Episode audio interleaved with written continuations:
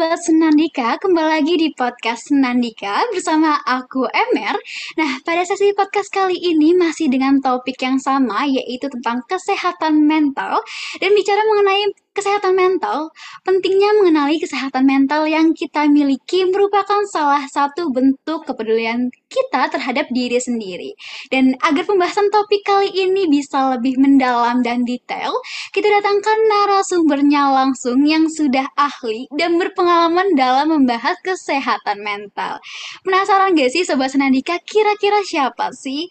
Oke langsung aja, beliau merupakan salah satu seorang psikolog dari kampus Institut Teknologi Bandung yang juga berkecimpung di bidang SDM perusahaan dan di luar bidang psikologi bergabung dalam uh, sebuah komunitas yang bergerak di bidang lingkungan hidup. Mari kita sambut Ibu Dr. Randa Dewi Purnomasari. Halo Ibu, bagaimana kabarnya Bu? Halo Emer, selamat sore. Kabar baik, Alhamdulillah. Iya. Yeah. baik-baik aja kan? Alhamdulillah baik.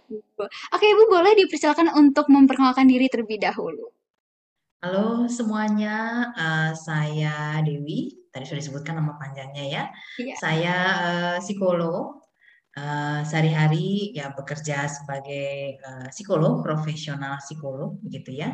Memang juga berkecimpung di bidang SDM perusahaan, gitu ya. Jadi kalau psikologi itu bidangnya memang beragam, gitu ya di mana ada orang ya di situlah gitu ya uh, bisa bisa masuk gitu bidang psikologi gitu. Jadi saya sehari-hari memang uh, profesional psikolog menangani salah satunya menangani BK di situ ya.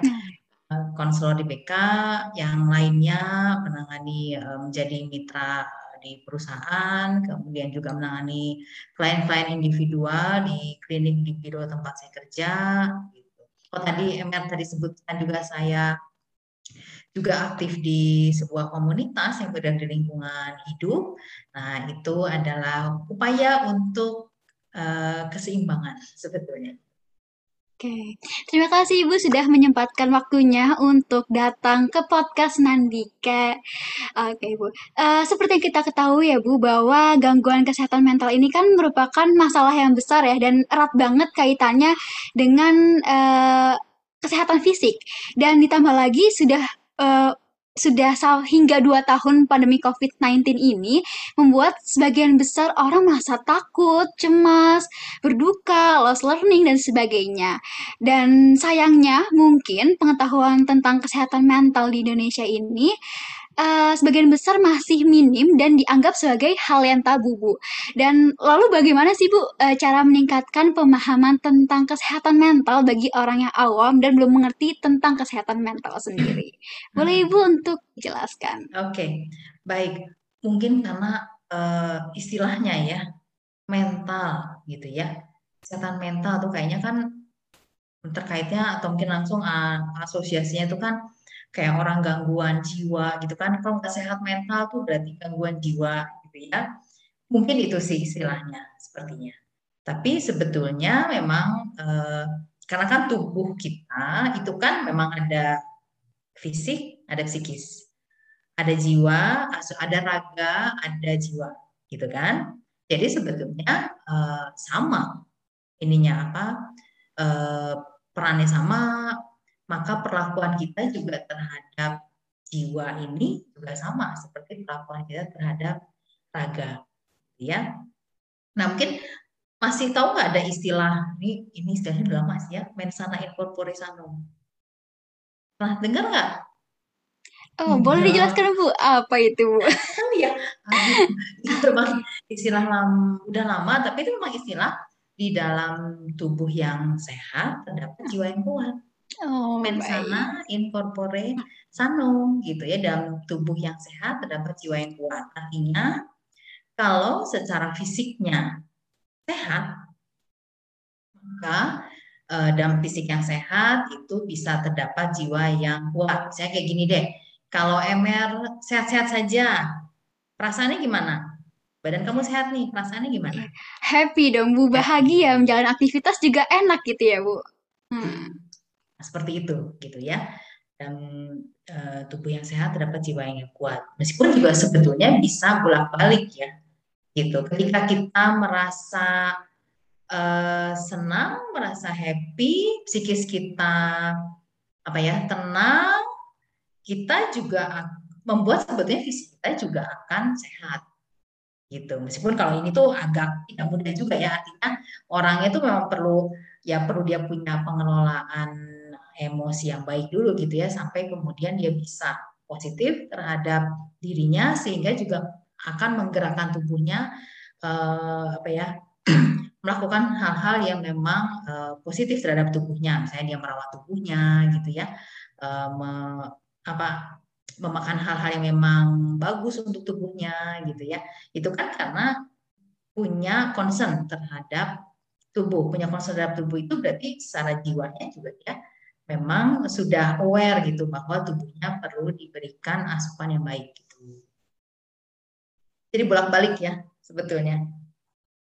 Oke ibu, oh ya ibu, uh, Emer nih ya kan kadang suka bingung ya tentang kondisi psikologis pada diri Emer sendiri gitu ya. Hmm, Gimana sih Bu, uh, kapan tahu Emer itu butuh psikolog atau bantuan profesional ketika hmm. berada di titik terendah kayak malas atau mengalami demotivasi hmm. belajar dan yang lain-lain?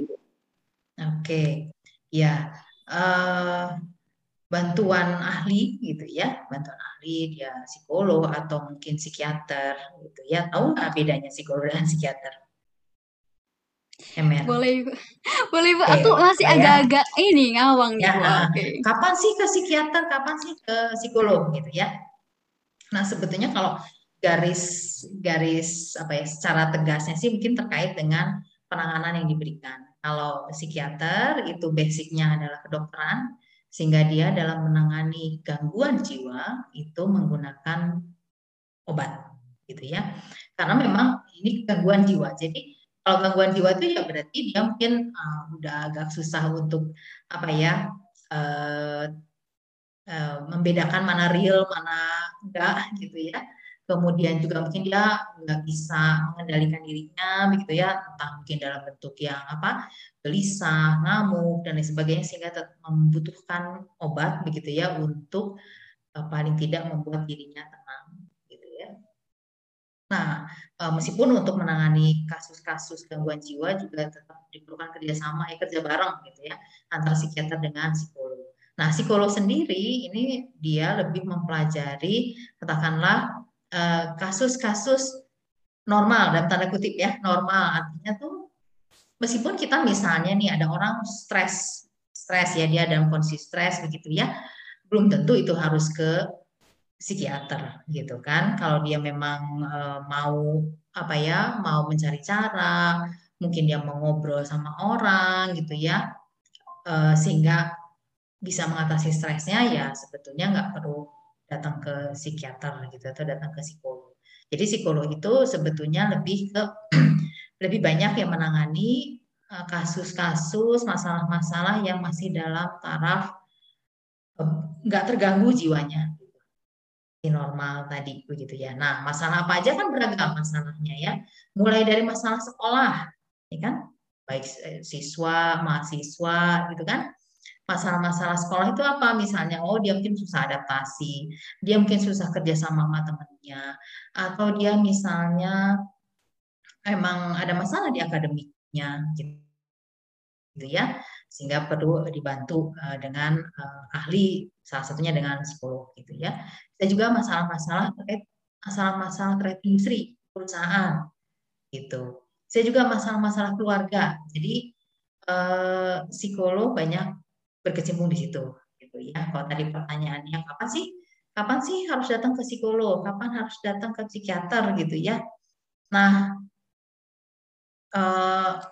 kita perlu lihat gitu ya ini ada beberapa hal ya. Kalau misalnya gejala yang kita alami ya atau uh, yang mungkin katakanlah misalnya perasaan sedih gitu ya. Perasaan sedih yang kita alami itu misalnya berlangsungnya lama sekali, lama mungkin sampai apa ya katakanlah misalnya lebih dari sebulan gitu ya. Kemudian juga uh, sering merasa sedih gitu ya. Kemudian juga uh, intensitasnya. Jadi kayaknya tuh sedih banget gitu ya. Meskipun mungkin situasi secara objektifnya tidak tidak membuat sebetulnya harus sampai sesedih itu gitu ya dan dia nggak bisa ngatasi itu nah ini sudah perlu bantuan dari uh, ahli gitu ya apalagi misalnya sampai nggak bisa tidur mengganggu aktivitasnya gitu ya harusnya kuliah nggak mau kuliah gitu. Harusnya misalnya ngerjain tugas tidur aja deh. Gitu memilih tidur aja deh. Ya sampai tugasnya kemudian bertumpuk-tumpuk sampai kemudian membuat masalah baru kan jadinya karena tugas ini nggak selesai ditumpuk. Ketika tugas itu ada beberapa tugas nggak selesai kemudian ditanya sama dosennya udah selesai belum? Gitu kan. Atau kemudian dosen nanya tapi ya udah nilainya nanti kan berarti kurang kan gitu ya. Kan bikin stres baru ya jadinya. Gitu muter gitu ya. Jadi ketika ketika dia memang uh, sulit untuk mencari jalan keluar, kemudian juga mengganggu pada aktivitasnya, kehidupannya, maka di situlah mulai diperlukan bantuan, mencari bantuan, gitu ya. Oke, berarti ketika kita sudah mengalami masalah akademis, demotiva demotivasi belajar dan yang hmm. lainnya, sudah bisa langsung uh, berhubungan ke ini ya Bu, uh, psikolog gitu ya Bu? Boleh. boleh. Oke. Okay. Uh, iya Bu. Oh, pertanyaan selanjutnya, gimana sih Bu uh, caranya uh, membuat semua orang beranggapan bahwa dirinya tuh nggak berjuang sendiri gitu Bu? Kayak dalam menghadapi kesulitan, khususnya dalam mengatasi gangguan kesehatan mental Bu. Hmm, hmm, hmm. Iya, uh, sebetulnya uh, ketika kita berada dalam satu lingkungan ya, misalnya lingkungan pertemanan gitu ya.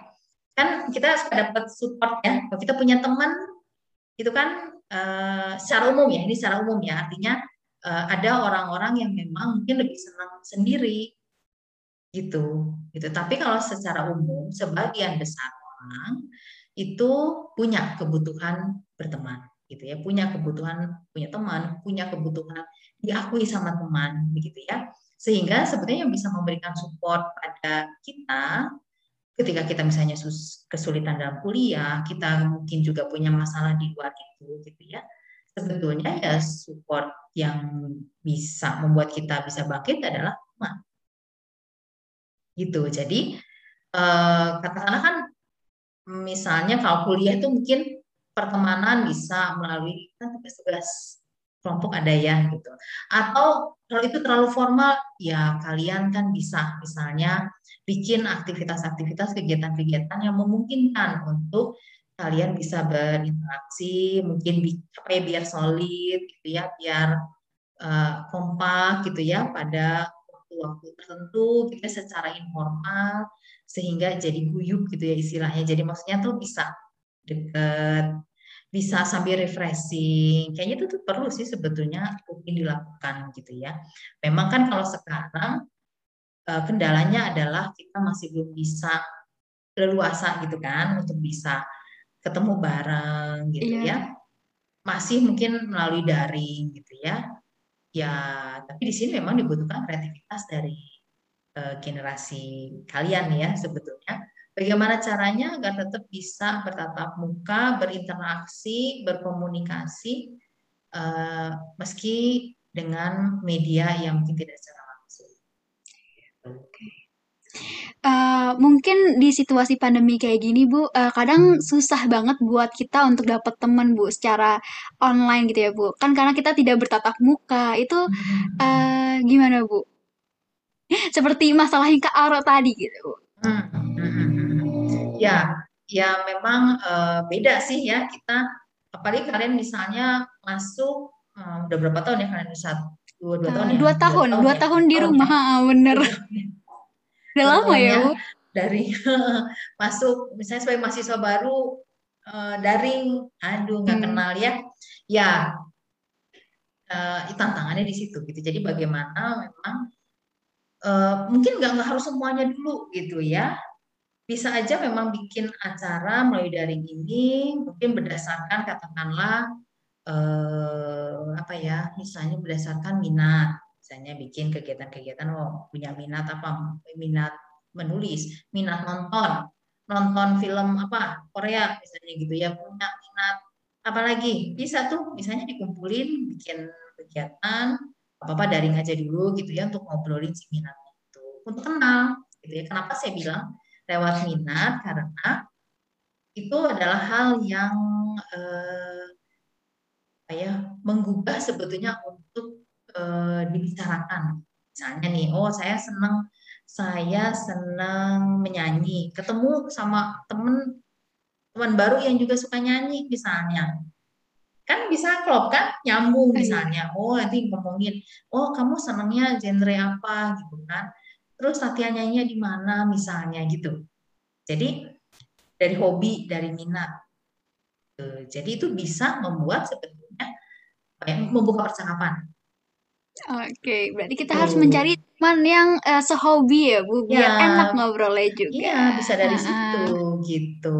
Kalau kita ketemu muka kan tetap uh -uh. kan memang uh, ya bisa kenal sama siapa aja. Cuma uh, secara apa?